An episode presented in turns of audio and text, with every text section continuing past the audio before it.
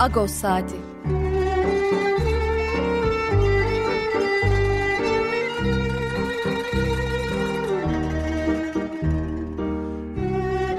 Haftalık Agos gazetesinin penceresinden Türkiye ve Dünya gündemi. Agos'un mutfağından haberler, söyleşiler, olaylar.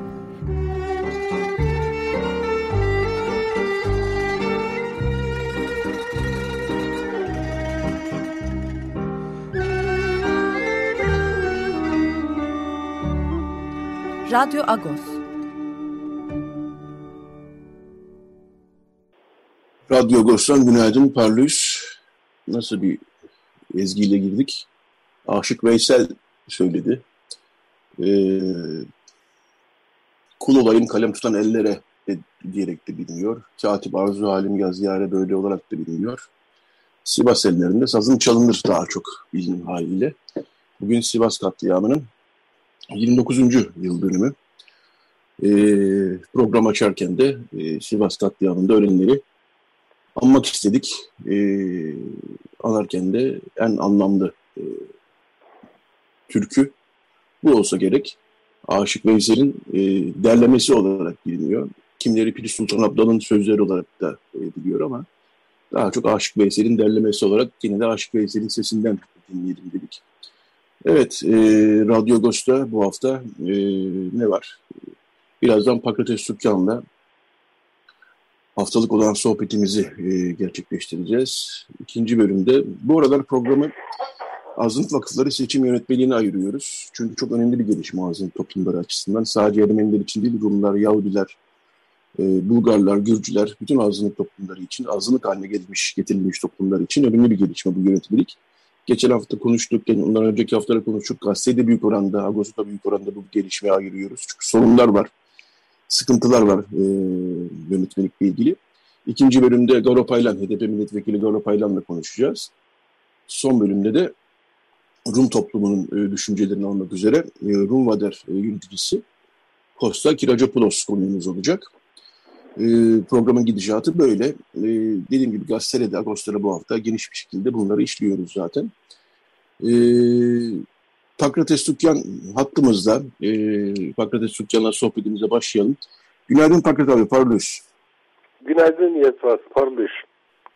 E, Sivas katliamında ölenleri anmak e, istedik. E, 29 yıl geçti aradan bir e, adaletsizlik hissi e, var. 29 yıldır geçmedi. Yargılananlar olmadı mı oldu ama e, tam anlamıyla aydınlatılamamış, aydınlatılmamış bir e, katliam bu. E, ve hepimizin gözü önünde televizyonlardan yayınlanmış bir katliam bu. 33 kişi e, aydın sanatçı o gün e, Sultan Abdullah şenliklerine giden 2 Temmuz'da e, Pir Sultan Abdullah şenliklerine giden 33 aydın sanatçı, müzisyen, e, otelin, Modern Halk Oteli'nin ateşe verilmesi sonucu, o kitle tarafından ateşe verilmesi sonucu hayatını kaybetti. İki de otel çalışanı toplamda 35 kişi hayatını kaybetti.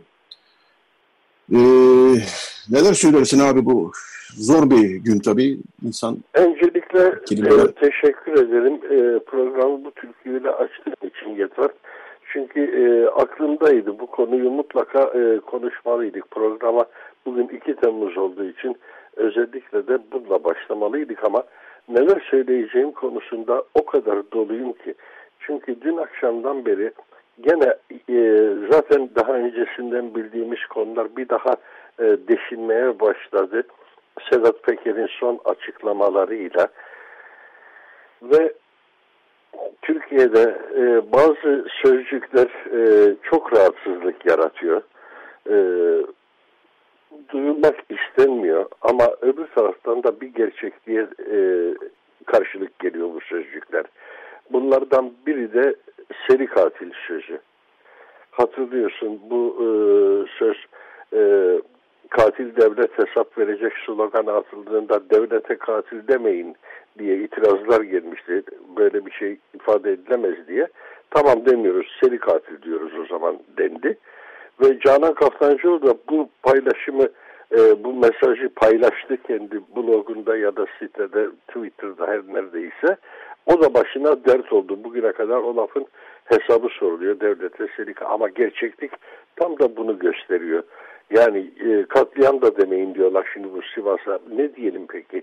33 kişi diri diri yandı orada. Dumandan zehirlendi bir kısmı da. Buna ne diyelim? Bu düpedüz yobaz bir kalkışmaydı.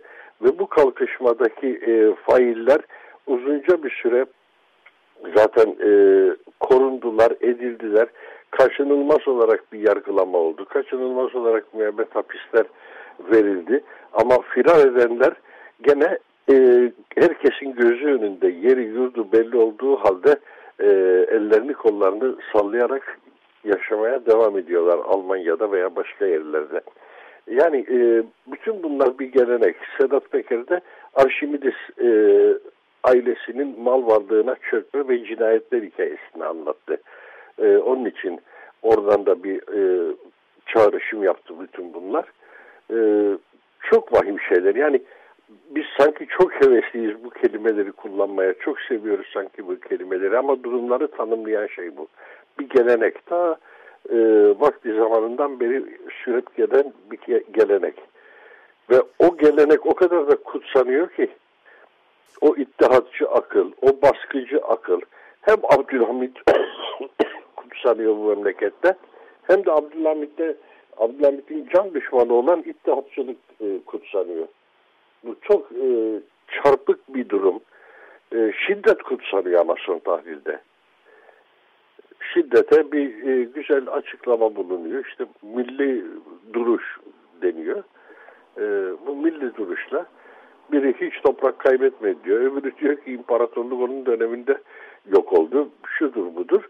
Aynı kişiyi e, kutsallaştırıyorlar ve bunun tam zıttını da kutsallaştırıyorlar. Her ikisinin ortak paydasıyla acımasız şiddet. Evet. Doluyum şiddet... biraz onun için dur da evet. şiddet var. Evet. Bir şiddet vakası da dün gece Osmaniye'den e, geldi. E, bazı mülteciler Afganistan'da, Pakistan'da tutuldukları yerden e, kaçmışlar ve onlara yönelik neredeyse bir süre kabı başlatılmış. Bunu da sosyal medyadan görüyoruz, öğreniyoruz. Ve işte onları şiddet, şiddet uygulamak için bütün bir, neredeyse bütün demeyelim ama birçok insan ne yazık ki seferber olmuşlar ve mülteci avı e, tırnak içinde diyebileceğimiz bir şey başlamış dün gece. Son durumda nedir bilmiyorum ama e, çok sıkıntılı haberler geliyordu Osmaniye'den dün gece itibariyle. Evet, e, Sivas katliamı ile ilgili e, az evvel de şey gördüm. Milletvekili Sıdık Taş'ın soru önergesini gördüm. O da e, firari sanıkların durumuna e, dikkat çekiyordu ve bu katliamın niçin insanlığa karşı suç olarak mahkemede değerlendirilmediğini soruyordu Adalet Bakanı Vekili Bozdağ'a. Bunlar tabii e, gerçekten de e, etnik e, motivi olan, mezhepsel motivi olan katliamlar. Dolayısıyla insanlar karşı suç olmasında da hiç yadırganacak bir hal yok. Tam tersine öyle olması gerekiyor. E, bugün gün boyunca dediğim gibi Sivas katliamında öğrenleri anacağız. Dün bir gelişme daha oldu. E, buradan Türkiye-Ermenistan e, normalleşme sürecine geçelim istersen Haftarik. E, hatta mısın Pakrat abi? Tamam peki. Pakrat abinin telefonundan bir sesler geldi. Şimdi düşmüş e, Pakrat abi telefondan. E, birazdan tekrar kendisiyle beraber olacağız. E, dün Türkiye-Ermenistan normalleşme sürecine dair bir gelişme oldu. Türkiye'nin ve Ermenistan'ın özel temsilcileri biliyorsunuz e, uzunca bir süredir e, yaklaşık olarak ayda bir kere e, diyebileceğimiz ve hatta bir buçuk ayda bir kere diyeceğimiz, diyebileceğimiz bir periyotla Ocak ayından bu yana e, buluşuyorlar. E, dün de Viyana'da dördüncü buluşma gerçekleşti. Birinci buluşma Moskova'da olmuştu. E, henüz Türkiye'de de Ermenistan'da buluşma olmuyor. E, Ruben, e, Rubinyan Ermenistan tarafından Türkiye'nin de emekli büyükelçi Serdar Kılıç yürütüyor görüşmeleri. E, dün Viyana'da dediğim gibi dördüncü buluşma oldu. Bu dördüncü buluşmadan e, bazı kararlar çıktı. E, bu kararların e, en ilgi çekici olanı kara sınırının, kara sınırının e, açılması. Ama şöyle, üçüncü ülke vatandaşlarına e, eğer e, önce Ermenistan'ı sonra da Türkiye'yi ziyaret ediyorsa e, kara sınırının üçüncü ülke vatandaşları e, kullanabilecekler. Dolayısıyla kara sınırı bir anlamda açılmış oldu ama şimdilik Türkiye ve Ermenistan vatandaşlarına değil. Yani e, bölgeyi iki ülkeden herhangi birini, iki ülkeyi birden ziyaret etmek isteyen üçüncü ülke vatandaşları bunlar işte Ruslar olabilir, Amerikalılar olabilir, e, Azerbaycanlar hatta olabilir. E, kara sınırını kullanabilecekler. E, burada bir detay var. E, Türkiye tarafından açı, yapılan açıklamada e, iki ülke e, iki ülkeyi ziyaret eden üçüncü ülke vatandaşı deniyor. Ee, Ermenistan tarafından aç, yapılan açıklamada ise önce Ermenistan'ı ziyaret edenler deniyor. Dolayısıyla Ermenistan sanki burada bir tür mekanizma kurmuş gibi anladım ben. E, kimin geleceği, kimin gelmeyeceği konusunda. Yani önce Ermenistan'a bir gelsinler bakalım da gibisinden mekanizma kurmuşlar gibi anladım. E, hatta mısın Pak Pakrat abi? Evet şimdi hattayım tekrar. Evet hattayım Yeto. E, Pakrat abi hatta mı? Evet evet. ha. Tamam. E, Pakrat abi şeyden e, Türkiye-Ermenistan normalleşme sürecine e, geçtim ben bu arada.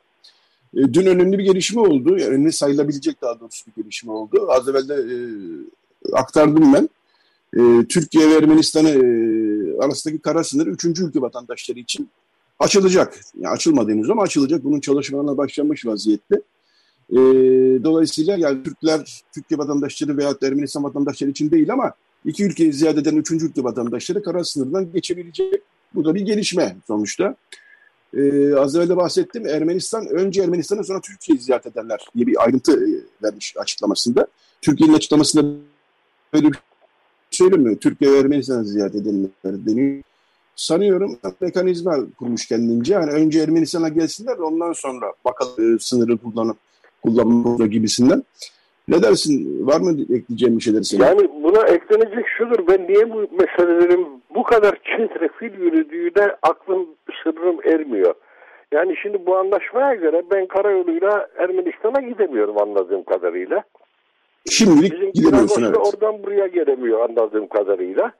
Ama Şimdilik gelemiyor. Evet. vatandaşı e, bu sınırı geçebilecek öyle mi Türkiye'den Ermenistan'a? Veya bir Özbek vatandaşı da Ermenistan'dan buraya gelebilecek. Bu hangi mantıktır? Niye böyledir? Niye doğrudan ülke vatandaşları değil de üçüncü ülke vatandaşları geçiyor? Bu ne sağlıyor bu? Ee, neye hizmet ediyor? Bunu anlayabilmiş değilim. Ayrıca bu sınırın böyle açılması için niye görüşme yapılıyor onu da anlamış değilim. Sınırı kapatan ülke Türkiye tek taraflı kararla kapattı. Şimdi açmak için de aynı tek taraflı bir iradeyle biz sınırı açtık diyebilir. Zaten bildiğim kadarıyla kara sınırı olarak sadece e, Kars Gümrü arasındaki demiryolu hattı var. Başka e, geçmişte zaten işleyen bir karayolu sınırı yoktu. Yani otomobille geçebileceğimiz, kamyonla gidebileceğimiz bir sınır hattı yoktu zaten. Zaten öyle bir geçiş noktası yoktu iki ülke arasında. İki ülke arasında karadaki sınır noktası sadece e, şeydir e, Akyaka üzerinden Kars Akyaka'dan Gümrü'ye geçen e, demiryolu hattıydı. Bu da Türkiye'nin tek ee, yaptığı kararıyla e, kapatıldı. O tren oraya gitmedi. Dolayısıyla fiilen bu iş durdu. Şimdi e, hangi ee, kara sınırından bahsediyorlar onu da anlayabilmiş değilim. O anlamda bir hazırlık mı var? Sınır noktasına kadar giden bir karayolu mu var? Her iki ülkeden de. O noktada bir gümrük noktaları mı oluştu? E, polis kontrolü, pasaport kontrolü yapacak noktalar ve orada görevliler mi var? Bunları bilmiyorum. Bunlar için hazırlık yapılacak. Öyle anlaşılıyor Hakkı abi. Ee, burada ben şöyle bir ekleme yapmak istiyorum. Ee, sanıyorum bu karasının açılması konusunda Ermenistan'ın belli başlı çekinceleri var. Ee, yani Ermenistan kamuoyunda da sınırın e, birdenbire açılması konusunda bazı tereddütler olduğunu duyuyorum ben. E, biraz bundan da kaynaklanıyor olabilir e, gibime geliyor. E, bu tahmin sadece tabii. Bu yüzden olmuştur demiyorum. Fakat dün yapılan açıklamada bir detay daha var ki onu da aktarmak lazım diye düşünüyorum. E, Türkiye ile Ermenistan arasında doğrudan hava kargo ticaretinin de mümkün olan en yakın zamanda başlatılması e, üzerine mutabakata varılmış. E, bu da e, ticaret anlamında sanıyorum. E, ticari ambargonun kaldırılması olmalıydı. Bunun lafı için evet, halen evet. Türkiye Ermenistan'a ambargo uyguluyor. Halen Türkiye'den Ermenistan'a mal sevkiyatı olduğunu biliyorum ben. Ee, Laleli'deki e, garajdan kamyonlar veya yük taşıyan otobüsler Ermenistan'a gidiyorlar ama Gürcistan üzerinden gidiyorlar. Mallar da Gürcistan üzerinden e, aktarılıyor. Hiç kimse buradan Ermenistan'a fatura kesilmiyor. Gürcistan'daki bir şirkete fatura ediyorlar. Oradan gidiyor. Şimdi e, hava yoluyla mal taşımacılığı demek e, aynı zamanda bu ambargonun da kalktığı anlamına gelmeli ama bunu ilan eden yok. Bu cümlelerle ilan etmişler. Bilmiyorum ee, ama hava... e, nasıl bir şeydir hava yoluyla e, mal taşımacılığı? Kargo uçağı demektir. Yani, tabii tabii uçakla mal göndermek artık e, belli ki... Neredeyse. E, bunun için ambargonun kalkması gerekir. Evet, e, bunu bu sözlerle ifade etmişler, öyle anlıyorum. E, sonuçta Açıklamayı bunlar... ben de e, okudum, evet. Hı hı hı. E, sonuçta bunlar e, gelişme diyebileceğimiz e, şeyler, adımlar. E, çünkü e, Ocak ayında başladı temaslar e, somut olarak. Yani özel temsilciler arasındaki temaslar Ocak ayında başlamış somut olarak. Hatta e, 6. ayı bitirdik. Hatta iki gün önce Rubinyan demişti ki somut bir gelişme hala yok e, demişti. Fakat o e, açıklamasından bir gün sonra e, bu tür gelişmeler oldu. Bunlar tabii sonuçta not edilmesi gereken, e, yani hiçbir şey olmuyor diyemeyeceğimiz, e, not edilmesi gereken gelişmeler gerçekten. Bilhassa bu kargo ticaretinin e, başlatılacak olması da e, bir adım. E, bu sanıyorum e, belli kolaylıklar getirecektir e, Türkiye-Ermenistan arasındaki ticarete. Çünkü çok dolambaçlı yollardan gidiyordu bazı zamanlar. Bazı zamanlarda gidiyordu gerçekten. Orada e, tabii gidiyor, bazen tabii gidiyor. Orada Türkiye'li belli markaların kocaman kocaman mağazaları var abi. Şimdi ben burada o markaları isim isim zikretmek istemiyorum. Belki doğru değildir ama e, Türkiye menşeli firmaların e, mağazaları var orada. Mallar evet, tabii evet. ya çok dolaylı yoldan gidiyor. Dolaylı evet. yoldan gitmesinin sebebi de Türkiye'nin resmen ambargo uyguluyor olması. Türkiye bu ambargoyu ağla vağlayla açıkladı vakti zamanında. Sonrasında evet. şu evet 2020 yılındaki savaş esnasında Ermenistan da Türkiye'ye ambargo uyguladı. Ama savaşın bitimiyle o ambargoyu kaldırdı zaten. Ee, savaşın bitiminden ziyade e, sürecin başlamasıyla evet, uyguladı. Eylül'de koydu ambargoyu. E, kaldırdı. Evet. Ee, kaldırdığını da Türkiye koyduğunu açıkladı ama kaldırdığını e, gösteren herhangi bir resmi açıklama duymadık. Evet, evet. Buna karşı ee, bir gelişme daha var. Flyone şirketi ki Ermenistan'ın sivil havacılığını temsil ediyor şu anda.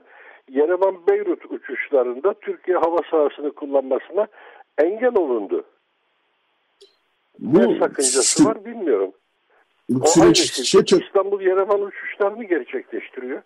Uçakları Türkiye hava sahasını hmm. kullanıyorlar. O H50 koridoru denen hava yolunu kullanıyorlar. Ama buna karşılık e, Yerevan Beyrut uçuşlarında Türkiye hava sahasından geçmelerini engelledi Türkiye. Evet, bu gelişmeyi de böylece biraz irdelemiş olduk, arka planına bakmış olduk. Daha bununla ilgili detayları sanıyorum öğreneceğiz. Ee, yani biraz da kara sınırı konusunda veya hava kargosu konusunda ama bunlar dediğim gibi e, gelişme nihayetinde e, bir, bir şeyler bir şeyler oluyor. E, onu öyle anlıyoruz.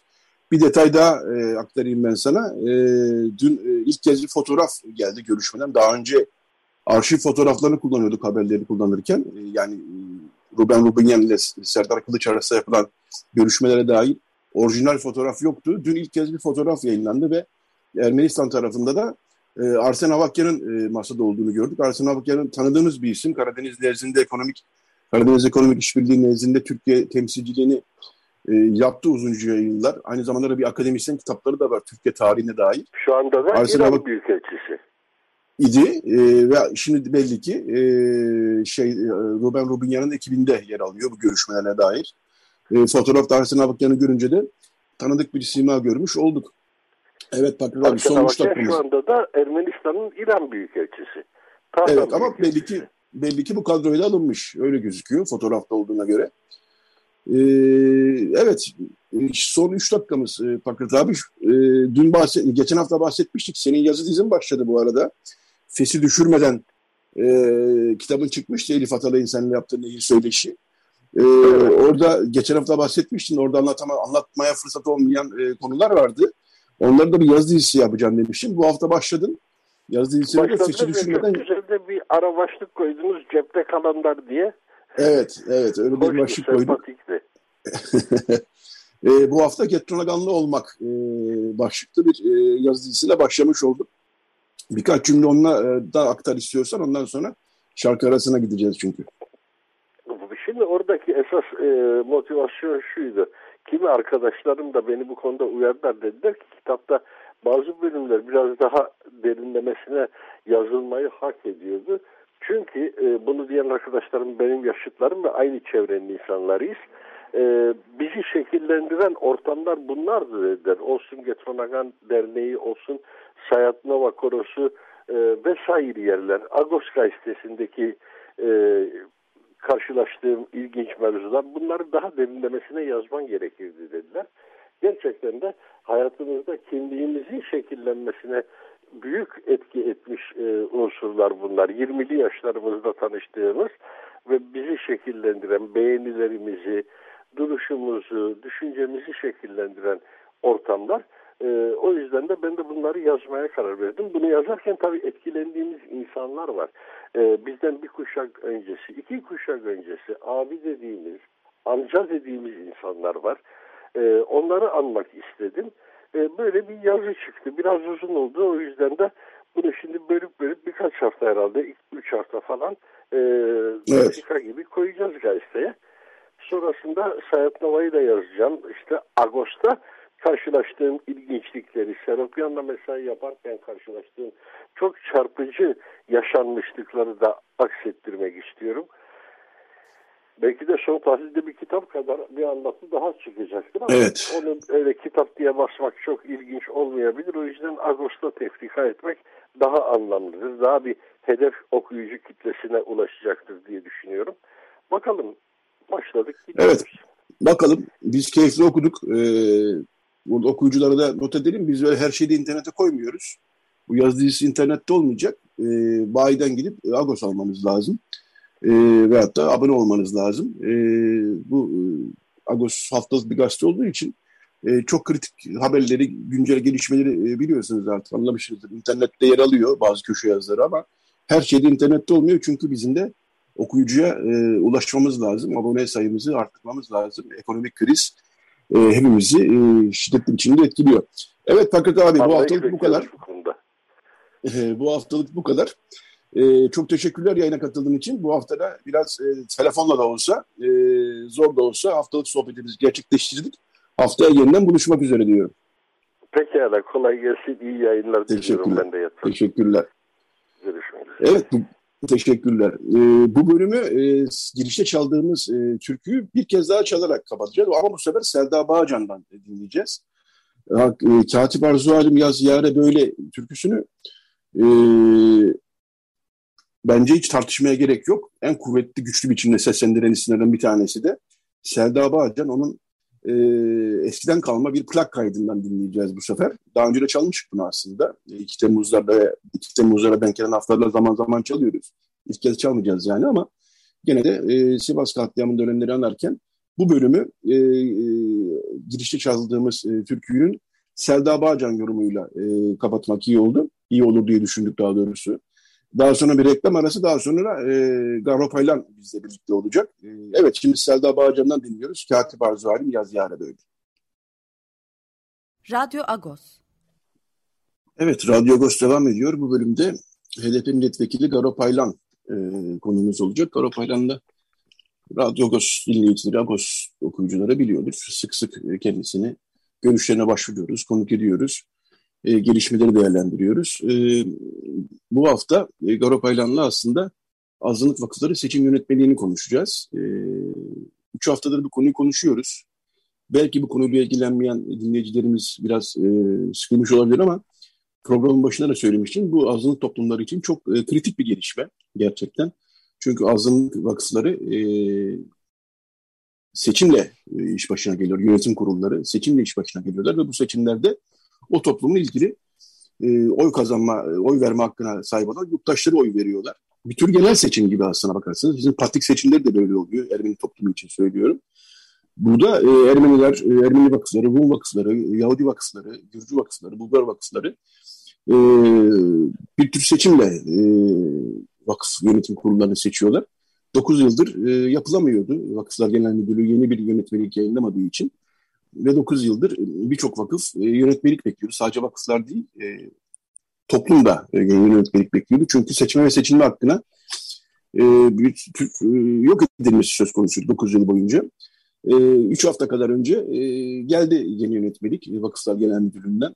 Toplumlarla yapılan istişarelerden sonra geldi yönetmelik. Onu da not etmek lazım ama gelen yönetmelik birçok vakıfta ve toplumların geniş bir kesiminde memnuniyetsizlik yarattı işin gerçeği. Çünkü e, bir önceki e, askıya alınan e, yönetmelikten daha ileri bir yönetmelik olmasını bekliyorduk e, hepimiz.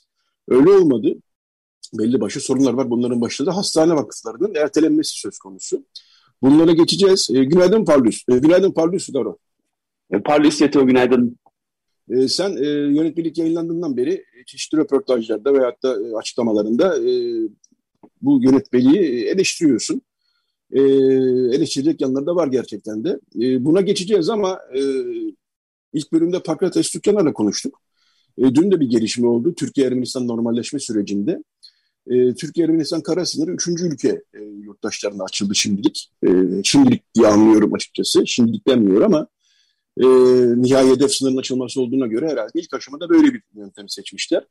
Bir de iki ülke arasında yani Türkiye Ermenistan arasındaki e, hava kargo taşımacılığı ile ilgili çalışmalarla başlanması. Bu da önemli bir gelişme evet. aslına bakarsan. E, üçüncü ülke vatandaşının açılması herhalde bir tür deneme e, gibi mi artık nasıl anlayacağız bilmiyorum. Niye böyle bir adım atıldığını çok anlayamadık aslında ama yine de bunun bir tür deneme e, olduğunu düşünüyorum. E, ilk bölümde de söylemiştim. E, Ermenistan tarafında da aslında bazı tereddütler var bu sınırın açılmasıyla ilgili. E, duyuyoruz, okuyoruz. E, Paşinyan yönetiminde zaten e, muhalefetin sert e, tepkisiyle karşı karşıya hem Azerbaycan'la yürütülen e, barış görüşmeleri hem de Türkiye'de yürütülen normalleşme süreciyle ilgili olarak e, sert bir e, muhalefetle karşı karşıya. Biraz belki bunun da pay vardır diye. Bunlar sadece tahmin tabii söylediklerim. E, ben sözü sana bakayım nasıl değerlendiriyorsun bu gelişmeyi? Ee, Yeto 2020 yılının sonunda olan savaşta biliyorsunuz şöven bir dalga vardı e, Türkiye'de. Ya o savaşa ya ben açıktan itiraz ettiğimde işte ihanetle suçlanmıştım, hedef hedef olmuştum. Ama şunu net bir şekilde söylemiştim. Ya bu savaşın kazananı ne Ermenistan ne Azerbaycan ne de Türkiye olacak. E, bu savaşın belki tek, tek kazananı olabilir. O da tek, tek kurşun atmadan e, bölgeye yerleşebilecek Rusya olacaktır demiştim. Maalesef dediğim gibi çıktı. Yani bu savaşta binlerce Azeri genci, binlerce Ermeni genci hayatını kaybetti. E, büyük travmalar e, yaşandı. E, ve sonucunda da savaşın sonunda Türkiye'de umduğunu alamadı. Yani Türkiye bölgede daha fazla hegemonyası olacağını düşünüyordu. Ee, Azerbaycan üzerindeki hegemonyasını Kafkaslar'da kendi sözünü geçirdiğini düşünüyordu ama benim meclis içinde ve e, yürütmeyle yaptığım görüşmelerde benim haklı çıktığıma dair kendi itirafları da söz konusu oldu. Yani biz istediğimizi alamadık. E ben de dedim ki madem istediğinizi alamadınız, yani tüm siyasi partilerle bu anlamda görüşmeler yaptım. O zaman savaşla e, hegemonya olmuyorsa e, barışı deneyelim. Yani sonuç olarak bölgede Kafkaslar'da bir Rusya hegemonyası var. Bunu dengeleyebilecek şey veya paradigma barış paradigması. Yani Ermenistan'la ilişkinin normalleştirilmesi adımları. Bu yönde irade konuldu. Ama e, e, süreç pek iyi, hızlı yürümüyor. Yani şu ana kadar e, biliyorsunuz pek çok görüşme oldu. Sonuç alınamadı. Sebebi e, iki sebebi var. Biri Türkiye'nin artık Ermenistan normalleşme sürecini ajandasının 10. sırasına bile koymuyor. Biliyorsunuz geçtiğimiz yıl Türkiye'nin bir hikayesi yoktu. Ermenistan normalleşme sürecini önemsiyordu. Yani dünyayı anlatacağı bir barış hikayesi için belki. Ama bu yıl e, Ukrayna-Rusya savaşı sonrası çok da önemsemiyor artık Ermenistan normalleşmesi. Yani gündemin 10. sırasına düştü. E, bunun ikinci e, sebebi de um, Azerbaycan'ın hala e, blokajı var yani bu süreç üzerine. Yani şunu söylüyor Azerbaycan veya Erdoğan da bunu söyledi. Dedi ki yani bir, önce bizim sürecimiz yürüsün ardından Türkiye-Ermenistan süreci yürüsün e, diye e, bir e, ön şart ortaya kondu.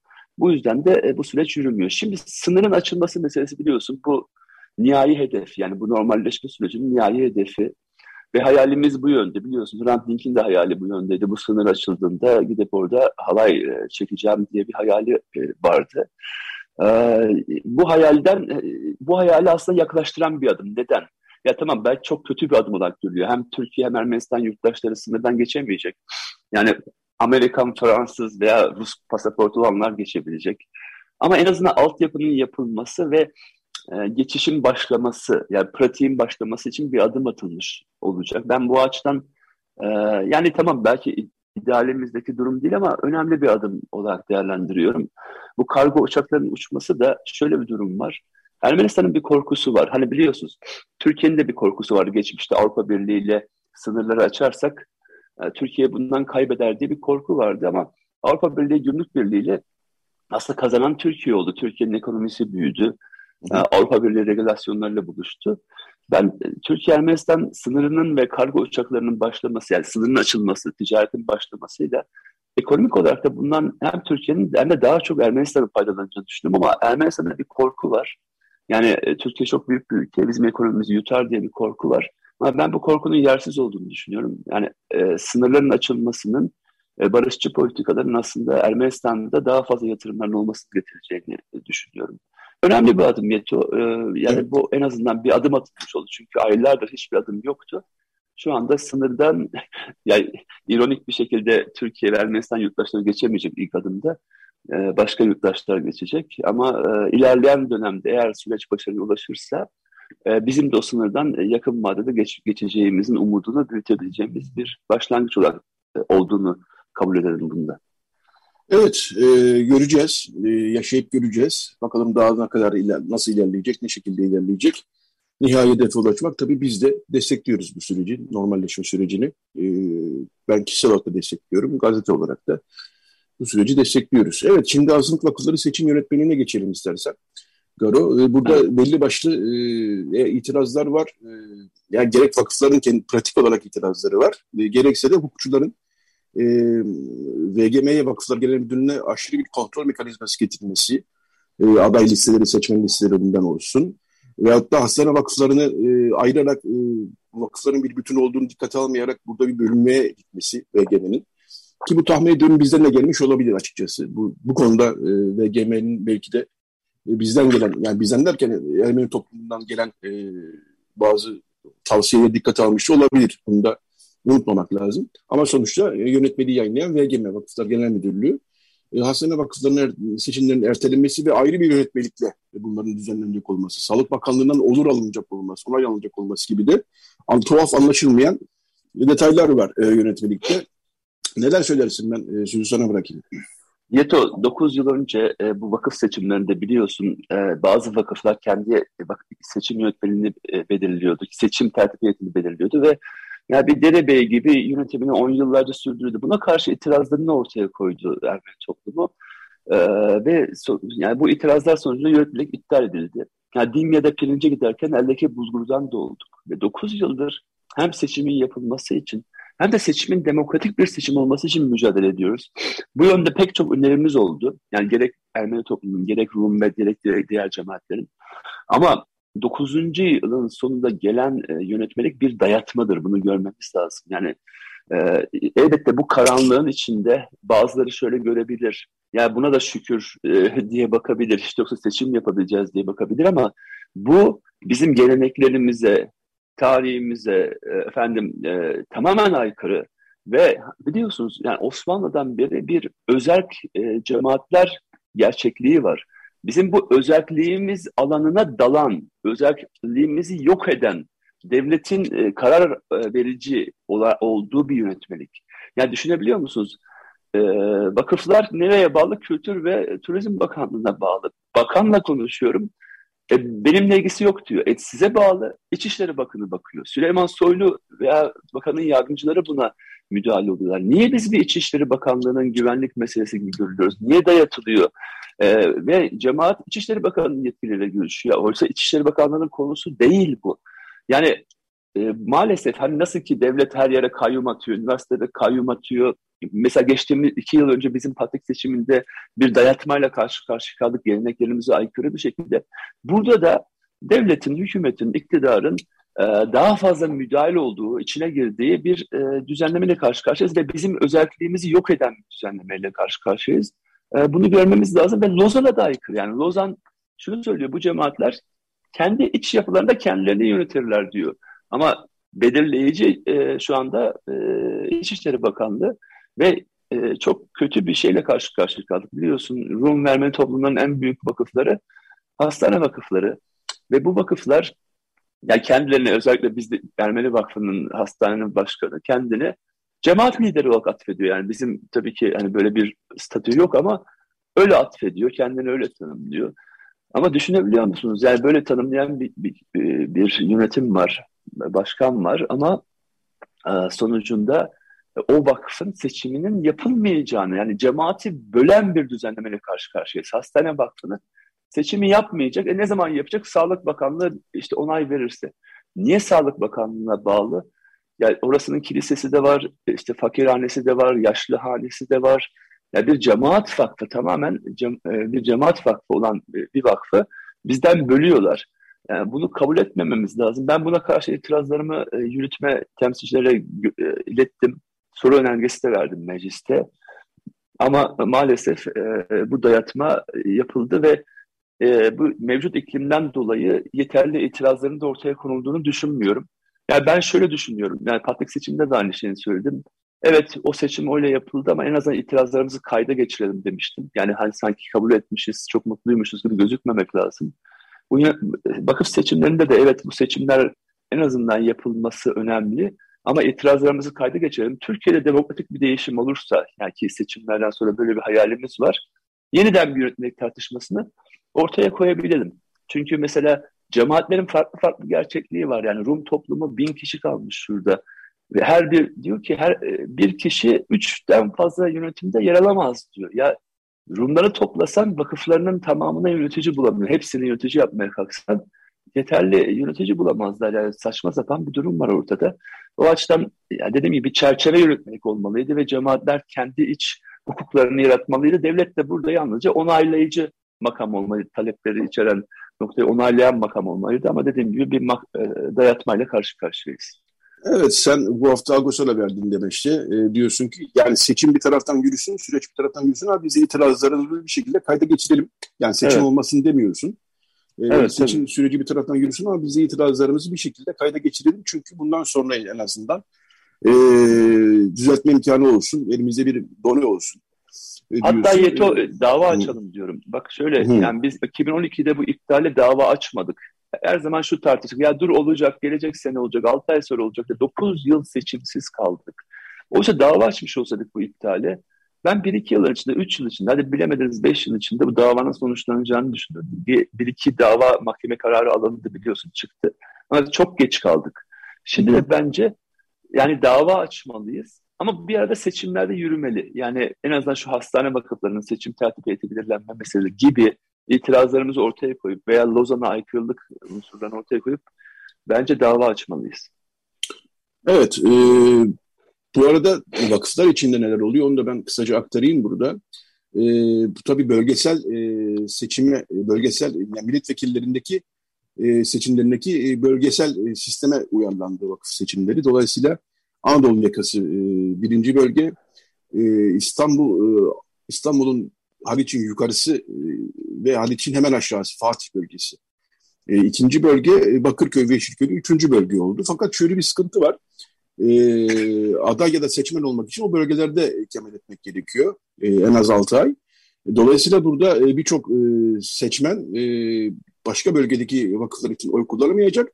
Adaylar da orada oturmaları gerekiyor. Yani diyelim evet. ki e, Bakırköy e, aday olmak istiyorsunuz ama Samatya'da oturuyorsunuz. Bu durumda aday olamıyorsunuz. Veyahut da evet. tam tersini düşünelim.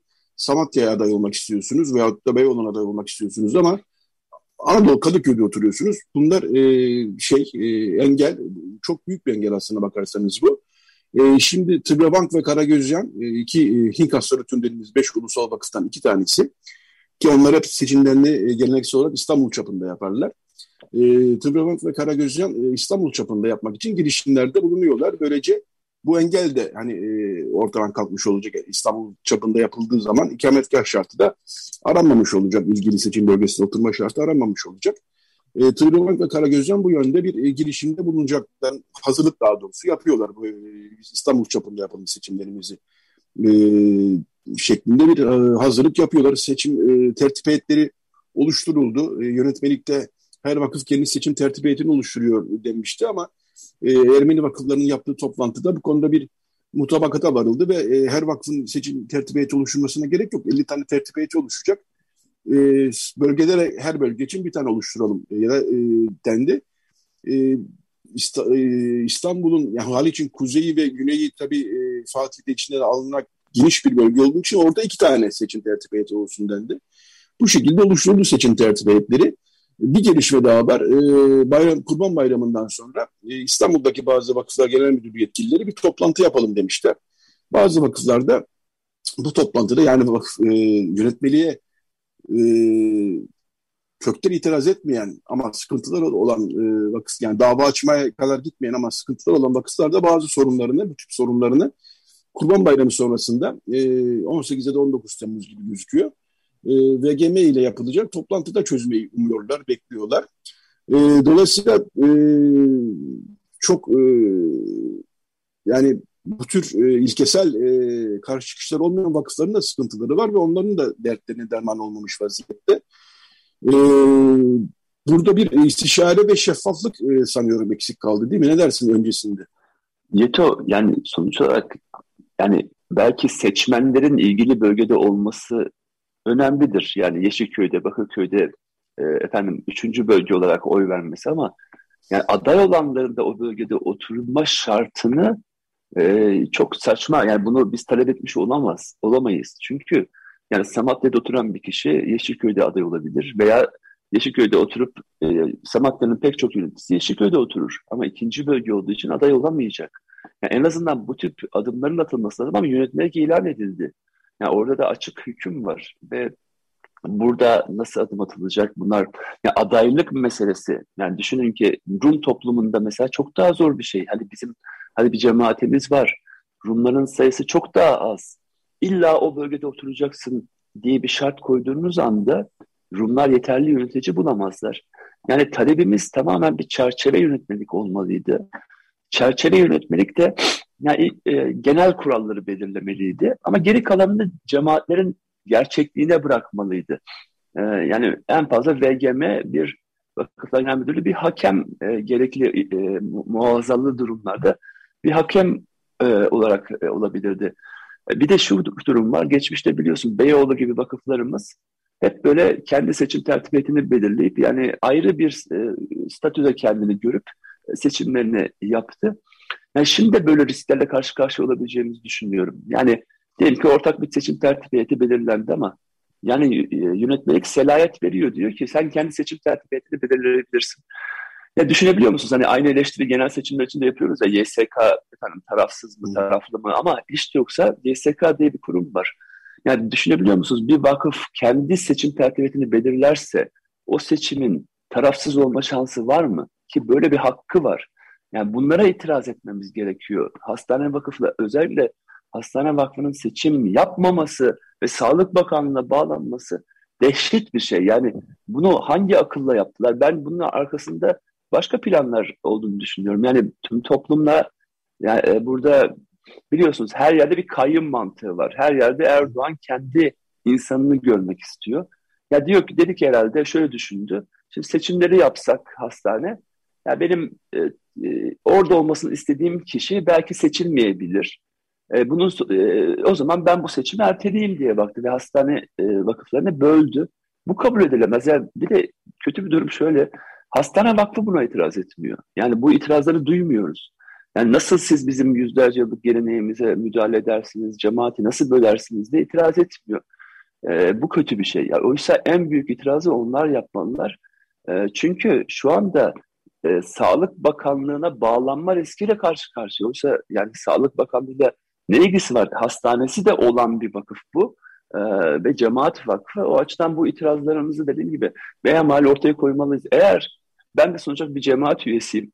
Eğer cemaatle dava açan olmazsa ben açacağım eninde sonunda. Yani bunlara sonuçta bir seçmenim ben. Yani hastanede oy verme hakkım var. Diğer vakıflara da oy verme hakkım var. Yani aday olmasam da oy verme hakkım var. Bir seçmen olarak bu seç, seçmen olma hakkımın gasp edildiğini düşünüyorum hastane vakfında. Diğer noktalarda da seçim tertip heyetinin bu şekilde e, belirlenmesi gibi konularda itirazlarımızı ortaya koymak, kayda geçirmek gerekir ve dava açmak gerekir. E, bu süreci takip edeceğim tabii ki. Evet. Bu arada yani burada habercilik adına da şunu da söylemem lazım. Hastane vakıflarının ayrılması ile ilgili olarak bundan iki ay kadar önce, üç ay kadar önce e, Ramazan bayramı için verilen iftar, öncesinde verilen iftarda İçişleri Bakanı Süleyman Soylu, Patrik Maşallani ile yaptığı görüşmede e, bütün vakıfları e, birden seçim yapması pratik olarak, teknik olarak çok zor olur. Çok fazla sayıda vakıf var. Hastane seçimlerini bir sene sonra yapalım demiş. Bunu biliyoruz. Bunu Patrik Maşallan kendisi açıkladı zaten. Hani e, gerekçe anlamında da böyle bir gerekçe var ama bu ne kadar ikna edici, ne kadar ikna edici değil. Bunlar ayrı tartışma konuları. Ama böyle bir gerekçe dile getirilmiş. E, dediğim gibi yani tartışmalı bir konu. E, çok konuşacağız bunu belli. Biz en azından biraz irdeliyoruz e, yönetmeliği. E, çok teşekkürler e, Garo Paylan, HDP Milletvekili Garo Paylan konumuzu hem e, Türkiye-Ermenistan normalleşme sürecinde dün yaşanan gelişmeleri konuştuk hem de azınlık vakıfları seçim yönetmeliğiyle ilgili olarak e, bütün azınlık toplumlarının gündeminde olan bir konu bu. E, o konuyu biraz irdelemiş olduk. E, çok teşekkürler Garo Paylan yayına katıldığın için. Ben teşekkür ederim. E, sana iyi çalışmalar diliyorum. Hoşçakal Yeti. Teşekkürler. Evet, e, artık bir şarkı çalma zamanı Radyo Agos'ta. Erkan Uğur'dan dinleyelim. E, karşıda görünen ne güzel yayla e, diyecek Erkan Uğur. Gene Pir Sultan'ın da e, isminin geçtiği bir türkü bu. Erkan Uğur'u dinleyeceğiz. E, daha sonra bir reklam arası vereceğiz. E, daha sonra Azınlık Vakıfları Seçim Yönetmeliği konuğunu, konusunu konuşmaya devam edeceğiz. Bu sefer e, Rum, Vadar, Rum Vakıflarından Rum Vadar yöneticisi e, Costa Kiracopoulos konuğumuz olacak. Onunla da Rum toplumun bakış açısını konuşacağız. Evet şimdi Erkan Uğur'u dinleyelim. Daha sonra bir reklam arası, daha sonra Radyo Agos devam edecek. Evet, Radyo Agos devam ediyor. Roza Eskenazi dinledik. Roza Eskenazi'yi seviyoruz Radyo Agos olarak. Sık sık da çalıyoruz. İstanbul'da doğmuş. E, Yahudi bir e, ailenin çocuğu. Selanik'e göçtüler ve orada Selanik'te ve Atina'da e, Rebetiko müziğin çok ünlü bir ismi haline geldi. 1934 yılından bir kayıt dinledik. Trapa Remarka Kealani e, dinledik. E, Roza Eskenazi'yi 1980 yılında kaybetmiştik. Ondan not düşeyim. E, bu bir aşk şarkısı. E, doğru okuduysam eğer çevirisini. Bir serkeş e, sevgiliye sen git Paşa Limanı'ndaki e, o e, öbür kadınla o zaman madem öyle e, devam et müdüründen bir sözleri var. Evet bu bölümde e, azınlık vakıfları seçim yönetmeliği Rum toplumunda da bazı memnuniyetsizlikler yarattı. Bunu konuşacağız. E, Costa Kiracopoulos konuğumuz. Kendisi Rum Vader'de yani Rum Vakıfları Derneği'nde yönetici. Aynı zamanda da Kadıköy'de e, ki bir e, beş kilise ve bir mezarlık kapsayan vakıfta da yönetici. Günaydın Costa Bey, hoş geldiniz yayınımıza. Günaydın tüm dinleyenlere iyi günler, iyi hafta sonları diliyorum. Tatilde olanlara da iyi tatiller. Teşekkürler Costa Bey. Evet biz sizden önceki bölümde Garo Paylan'la konuştuk. Ee, zaten Ağustos'ta sık sık e, bu konuyu işliyoruz. Yönetmelik yayınlandığından beri. Ee, nerede e, belirsizlik var, nerede sıkıntı var e, bunları e, ortaya koymaya çalışıyoruz. Şimdi e, Ermeni toplumu gene iyi kötü bir 40 bin nüfusu var e, vakıflara aday evet. açısından ama Rum toplumu için durum daha da sıkıntılı. E, son son 2000 e, nüfus, e, Rum toplumunun nüfusu. Bilmiyorum değişti mi e, son zamanlarda ama. 2500 civarı bir şey yani. Evet. Evet, evet. Şimdi e, şöyle bir sıkıntı sanıyorum en çok Rum toplumu etkileyen yani e, seçim çevrelerinde göre e, aday e, orada oturan aday oluşturmak gerekiyor ve epey de Rum toplumunun daha fazla vakfı var aslında Ermeni toplumundan çünkü, çünkü İstanbul açısından daha köklü bir toplum Ermeni toplumuna kıyasla. Ee, sanıyorum 60 civarında vakıf var değil mi? Ee, Hastane kilise... dahil 62 vakıf seçim yapacak. Evet e, ve çok da fazla kilise var gerçekten. Okullar belki biraz kapanmış olsa okullar da var. Okullar da ee, var. Sizin, sizin e, en e, önce e, dile getirmek istediğiniz e, belirsizlik, sorun, e, aşmak istediğiniz sorunlar nelerdir? Ben sözü size bırakayım isterseniz. Evet tabii. Ee, şimdi gördüğüm kadarıyla hem e, bu yönetmeliğin e, oylama ve yürürlüğe girme süreci hem içeriği bakımından tamamen sorunlarla dolu bir yönetmelik. Yani e, ya anayasaya aykırı aykırı mı dersem e, ne bileyim Lozan'a aykırı mı desem yani bir sürü bir sürü içinde şeyler var. Kendi içinde çelişen durumlar var. Mesela hı hı. kapsamında e, 5737 sayılı kanunun işte 3. maddesine kap, kap, e, maddesini kapsar diyor. E, orada 36 beyannamesinden bahsediyor. Hastanede 36 beyannamesi var. Ondan sonra onu hastaneleri hariç tutuyorlar. Yani bir sürü yani, seçim süreci devamlı kontrol altında, vesayet altında. Yani her adım e, vakıflar müdürlüğüne onaylanacak, götürülecek, getirilecek. E, bir e, e, süreç içinde bir tarihler, bir zamanlar e, açıklanmış. O zamanın içinde seçimlerin yapılma ihtimali yok. Yani o 60 günlük süre tamamen e, şey yani üst üste koysanız e, yetki belgesini aldığınız gün ilan etmeniz gerekiyor gibi böyle garip garip şeyler var. Şimdi gelelim bizimle ilgili konulara. Tabii. E, tabii e, il bazında seçim yap, e, bundan evvelki e, yönetmelikte ilçe bazında olmasına rağmen il bazında yapılabilme durumu vardı. Hı hı. E biz bu, bu süreç içinde görüştüğümüz tüm yetkililerden e, bunun tekrar e, bu tekrar olanak sağlanacağı sözü verildi. Hı hı. Ama en sonunda e, bu bildiğimiz şekilde çıktı. Hı hı. E, sizin talebiniz sizin talebiniz il, baz... il bazında yapılması tabii. Değil mi? Evet. Hı hı. Tabii tabii il bazında zaten e, Lozan'da da işte yani ilden bahsediyor. İlin içindeki yani cemaatten bahsediyor. Cemaat bir bütün. Yani onu evet. böyle parçalayacağız. Üç parçaya böleceğiz. O parçalama da e, hiç dikkat edilmeden yapılmış bir şey. Yani e, İstanbul il, ilin dağılımıyla e, azınlık cemaati üyelerinin e, yaşadığı yaşa, yaşam alanları birbiriyle örtüşmüyor. Hı hı. Yani ikinci, ikinci bölgede büyük bir yığılma var. Üçüncü hı hı. bölgemizde bizim iki tane vakfımız var. Ee, e, orada yaşayan kişiler yok. Adalar evet. sorun.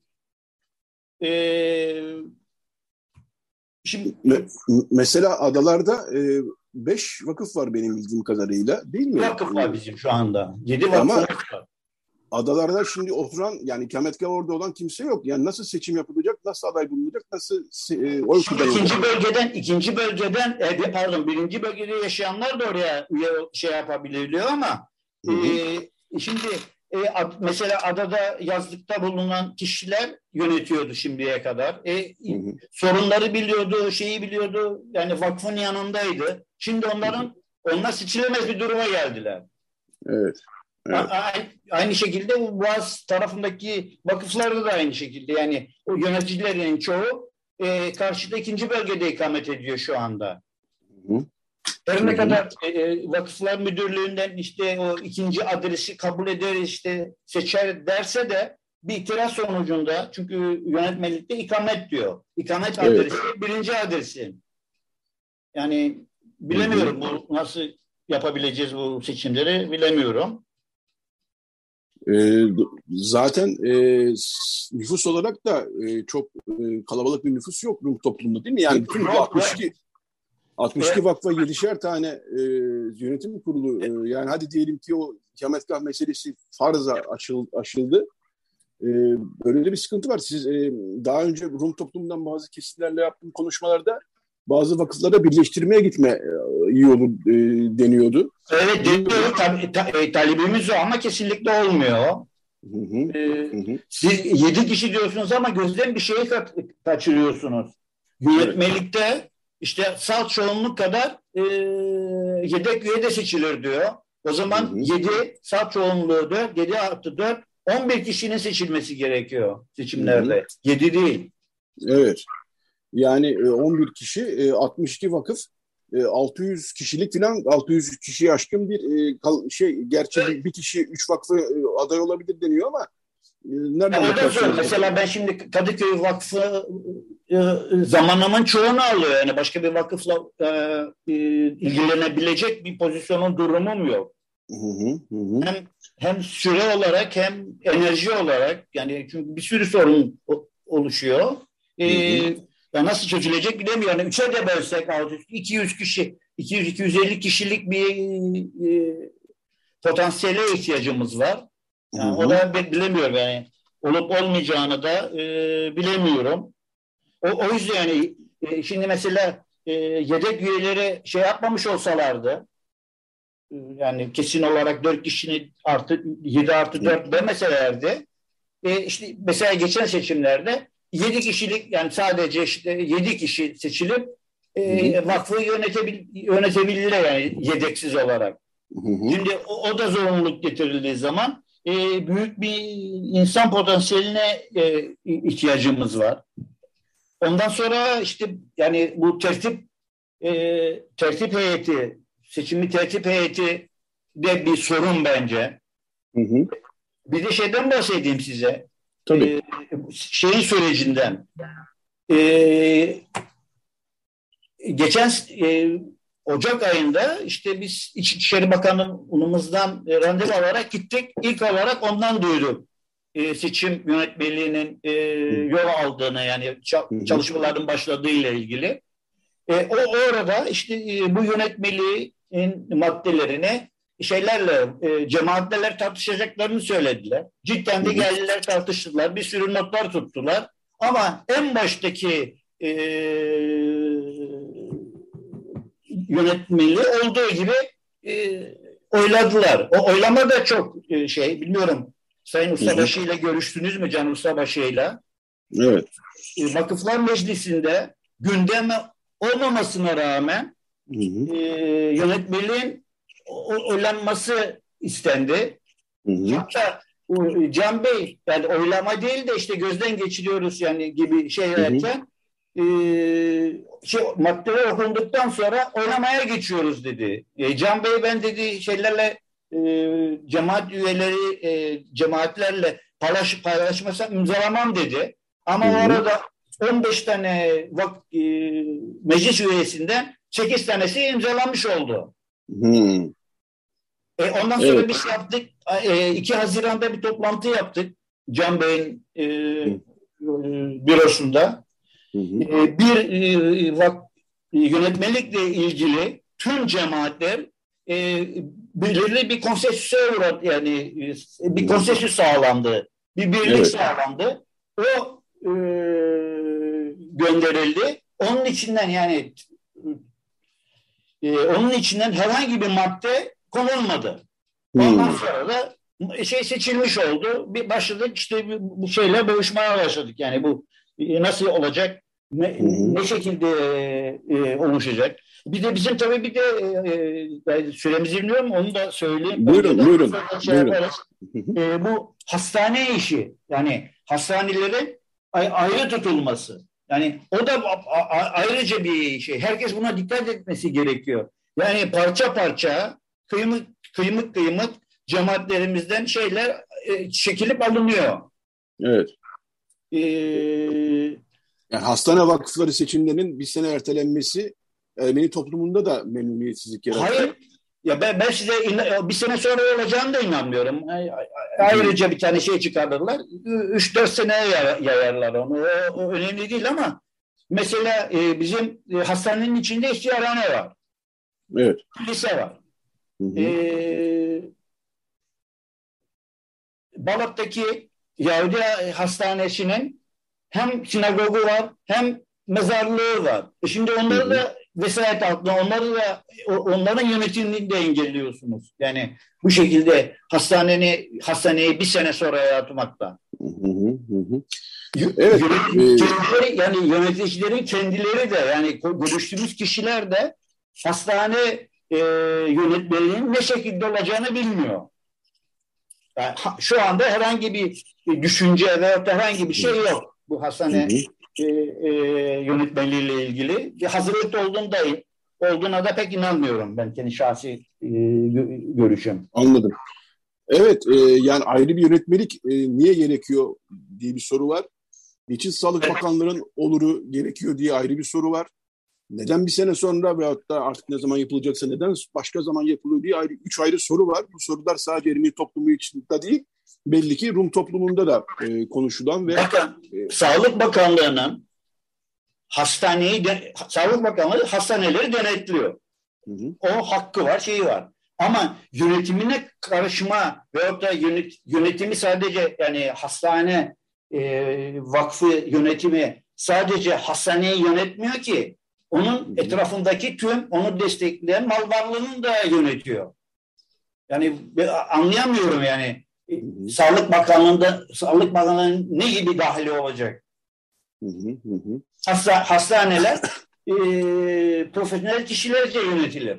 Onlar, o, onları da şey kontrol ediyor olması gerekiyor. Vakfın yön, e, vakıf yönetimi. Yani evet. onu, onu, onu anlamış değilim. Yani yani zor, yani bu anlaşılmaz bir durum. Evet, şimdi e, bir beklenti var. Bilmiyorum e, nasıl yol alınır ama Kurban Bayramı'ndan sonra İstanbul'da VGM yöneticileriyle bir toplantı, onların VGM'nin davetiyle bir toplantı olacağı e, söyleniyor. Bilmiyorum bu toplantıda sorunları aşma yönünde bir e, beklentiniz var mı sizin? E, hayır, doğrusu... hayır size söyleyeyim. İçeriğini biliyorum. Dün işte gittim görüştüm birinci bölgede. O yapılacak olan toplantı tamamen e, seçimin nasıl yapılacağı, nasıl uygulanacağı, hatta mesela tavsiye ediyorlar, diyorlar ki 60 gün değil de e, e, 75-90 gün evvelinden müracaat edin ki şeyi, seçim takvimine uyabilelim. Hı hı. Çünkü öyle bir şey vesayet şey getirdiler ki e, o da bir ucube. E, mevcut yönetim e, seçmen kayıt de, defteri oluşturuyor. O seçmen kayıt defterinin liste haline alıp vakıflara işte benim seçmen listem budur diye müracaat ediyor. Hı hı. E bunun e, oraya müracaat ederken bir tane şey istiyorlar. E, e, tarihli oturum belgesi E-Devlet'te. E, e, yani evet. e, bizim nüfusta yaşlı bu E-Devlet'ten bunu almak, çıkarmak, bu onunla gelip müracaat etmek. Yani bilemiyorum bu işler nasıl olacak, nasıl bir, yani kesinlikle o belgenin fotokopisini istiyor vakıflar Hı-hı. müracaat edildiği zaman. Hı-hı. Evet, e, ondan sonra bir de her kişi için e, bizim vakfımızın e, vakıf seçmen e, kütüğümüzün şu numara arasında kayıtlıdır diye bir tane de belge ekliyor ki cemaat üyesi olduğunu açık, ispaklansın diye. E bunu hı hı. mevcut yönetim yapıyor. Seçim tertip heyetini mevcut yönetim e, atıyor. E ondan evet. sonra da bir seçime giriyoruz. Yani demokratik bir seçime giriyoruz. Bizim talebimiz bütün e, cemaatlerin talebi e, tek bir tane seçim kurulunun oluşması. Bu hı hı. seçim kurulunun da e, mevcut şu anda e, yönetimde olan asil ve yedek yöneticilerin e, hı hı. Seçmesiydi. Yani oy kullanılıp yani adaylar arasında işte Anladım. beş kişi mi yedi kişi mi artık kaç kişi oluşacaksa e, bir e, tek bir se seçim tertip heyetinin oluşması. O da tüm seçimleri on, onun organize edip e, seçimleri yapılmasıydı. Ve şimdi her bir her bir vakıf kendine göre bir seçim tertip heyeti oluşturacak diyor. Gerçi biz bu ikinci birinci bölgede bir seçim heyeti yapıp tüm seçimleri biz belki de yani iki gün iki ayrı günde yap, yapacağız. Yani şu Boğaz tarafı ve Kadıköy Üsküdar Boğaz tarafını bir günde adalarda bir günde olmak üzere iki günde yapacağız. Ama benim duyduğuma göre e, e, Ermeni vakıflarında bu sorun çıktı sanırım. Yani evet. seçilen tertip heyetlerini kabul etmiyorlar. Yani e, bu nasıl olacak, nasıl bitecek ben de anlamış değilim. Yani bu e, eski yönetim istediği şekilde adaylarını da belirleyebilir. Seçim tertibi zaten mevcut yönetimde iki kişi de girebiliyor. O da ayrı bir şey. Yani niye girsin? Yani mevcut yönetimden iki kişi niye seçim tertip heyetine girsin? Yani evet. O, o da bence saçma bir uygulama. Yani böyle yani durum böyle. Evet, e, söylediğiniz e, aslında detaylar gayet e, önemli ve çarpıcı. Yani e, sizin e, önerilerinizin aslında e, vakıflar olarak, e, vakıf yönetici olarak mutabakat halinde e, kaleme aldığınız önerilerin e, yönetmeliğine girmediğini söylüyorsunuz. Girmedi, yani, girmedi. Kesinlikle girmedi yani. Hı hı. Hiçbir tanesi girmedi. Evet. E, yani bu... vardı. E, beş kişide oluşabilir. Mesela örnek veriyorum. E, Beykoz'daki e, er, er, Ermeni Vakfı. Nereden yedi kişiyi bulacak? Dörtten yediyi bulacak. işte seçimini bulacak da yani orada seçim yapacak. Evet. Hani, Ve bunun da... E, yapılan toplantının şeylerini de okudum. Ge- geçen cumartesi yapıldı sanırım. E, orada da diyor ki il bazında e, yapmak üzere müracaatta bulunulacak. Ama yönetmelik bunu kesinlikle önlüyor İstanbul'da. İstanbul'da kesinlikle e, bölgelere uyarak seçim yapılacak. Yani o nasıl aşılacak? Ben bilemiyorum. Gerçi bizim de bize randevu aldık Rum toplumu olarak e, Vakıflar Genel Müdürü Burhan Bey'den. E, bayramdan sonra ona da e, ziyarette bulunacağız ama e, bir sonuç çıkacağını ben pek ihtimal vermiyorum, zannetmiyorum yani o. Çünkü kesin evet. diyorlar. Yani müzakerelerle aşılmayacak bir sorun bence yoktur. Yani şöyle anlıyorum o zaman.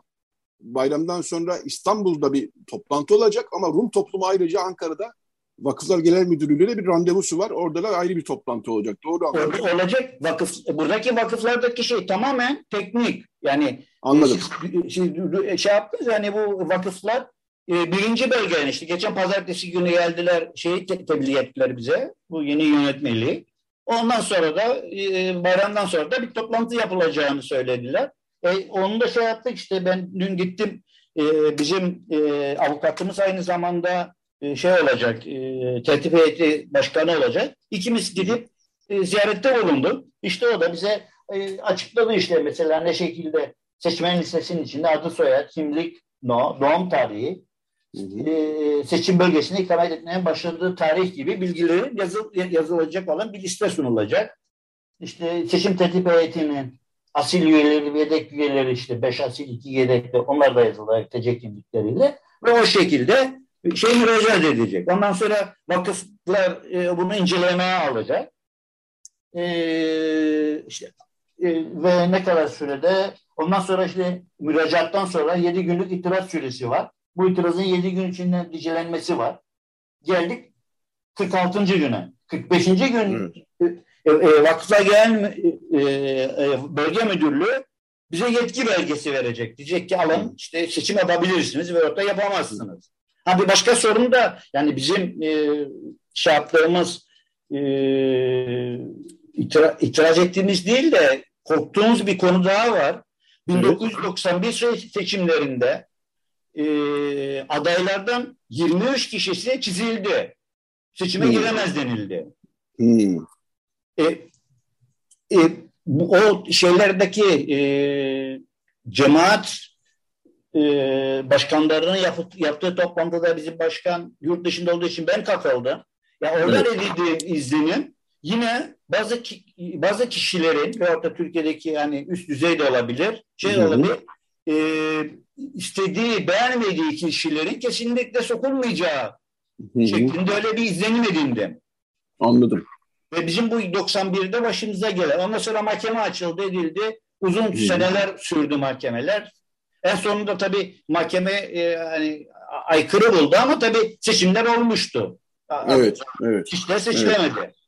Evet. E, sonra evet. mesela bizim e, şeyimiz, e, okulumuz, Zapyon yani okullarımız Hı hı. İkinci bölgede. E, birinci bölgenin çocukları da oraya gidiyor. E, ben oradaki e, vakf, oradaki okul vakfının ve orada işte mezarlık da olabilir. Mezarlık hı vakfının yönetiminin de niye söz sahibi olamayayım? Evet, evet. Yani o, o da bir sorun. Yani o yüzden il bazı ve orta şey yapılıyor. Çünkü cemaat bir, bir yani hastane tek. Şu anda evet. ikinci bölgede hastane. Evet. Yani, e ne olacak ikinci sadece ikinci bölgedeki kişiler mi e, aynı şey devam ederse e, oy kullanacak evet. onlar için? Yani böyle bir e, karışık çaprası çapraşık e, insan haklarına, anayasaya, Lozan'a bir sürü işte vakıflar e, e, vakıflar kanununa Kanun. kanununa da aykırı bir sürü şeyler var. Yani onlar, evet, onlarla mücadele edeceğiz. Evet Kosta Bey, böylece süremizin de sonuna gelmiş olduk. Evet. Hı hı. Ee, çok teşekkür ederim yayına katıldığınız için. Bunları ben daha konuşacağız. Ederim. Ben Bunları daha konuşacağız. Evet, Rumva'da Rum Vakıfları Derneği yöneticisi Kosta Kiracopoulos e, konuğumuzdu. Teşekkür ediyoruz Kosta Bey. Kolaylıklar Ben diliyorum. teşekkür ederim. İyi yayınlar size. Teşekkür ederim. Sağ olun. Evet konu e, uzun ve detaylı olduğu için e, uzun uzun konuştuk. Dolayısıyla bir kapanış şarkısı çalarız biz ama kapanış şarkısına vakit kalmadı. Evet Azınlık Vakıfları Seçim Yönetmeliğini ağırlıklı olarak yine konuştuk bu hafta. Radyo Agos'tan bu haftalık bu kadar. Haftaya e, Beren Baltaş rejide yardımcıydı. Haftaya yeni bir Radyo Agos'ta buluşmak üzere diyoruz. Herkese iyi bir hafta sonu diliyoruz.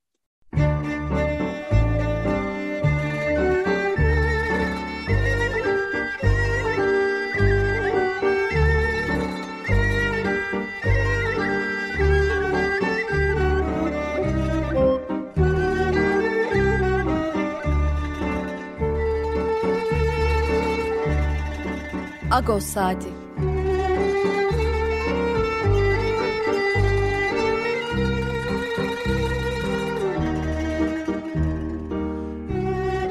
Haftalık Agos gazetesinin penceresinden Türkiye ve dünya gündemi. Agos'un mutfağından haberler, söyleşiler, olaylar.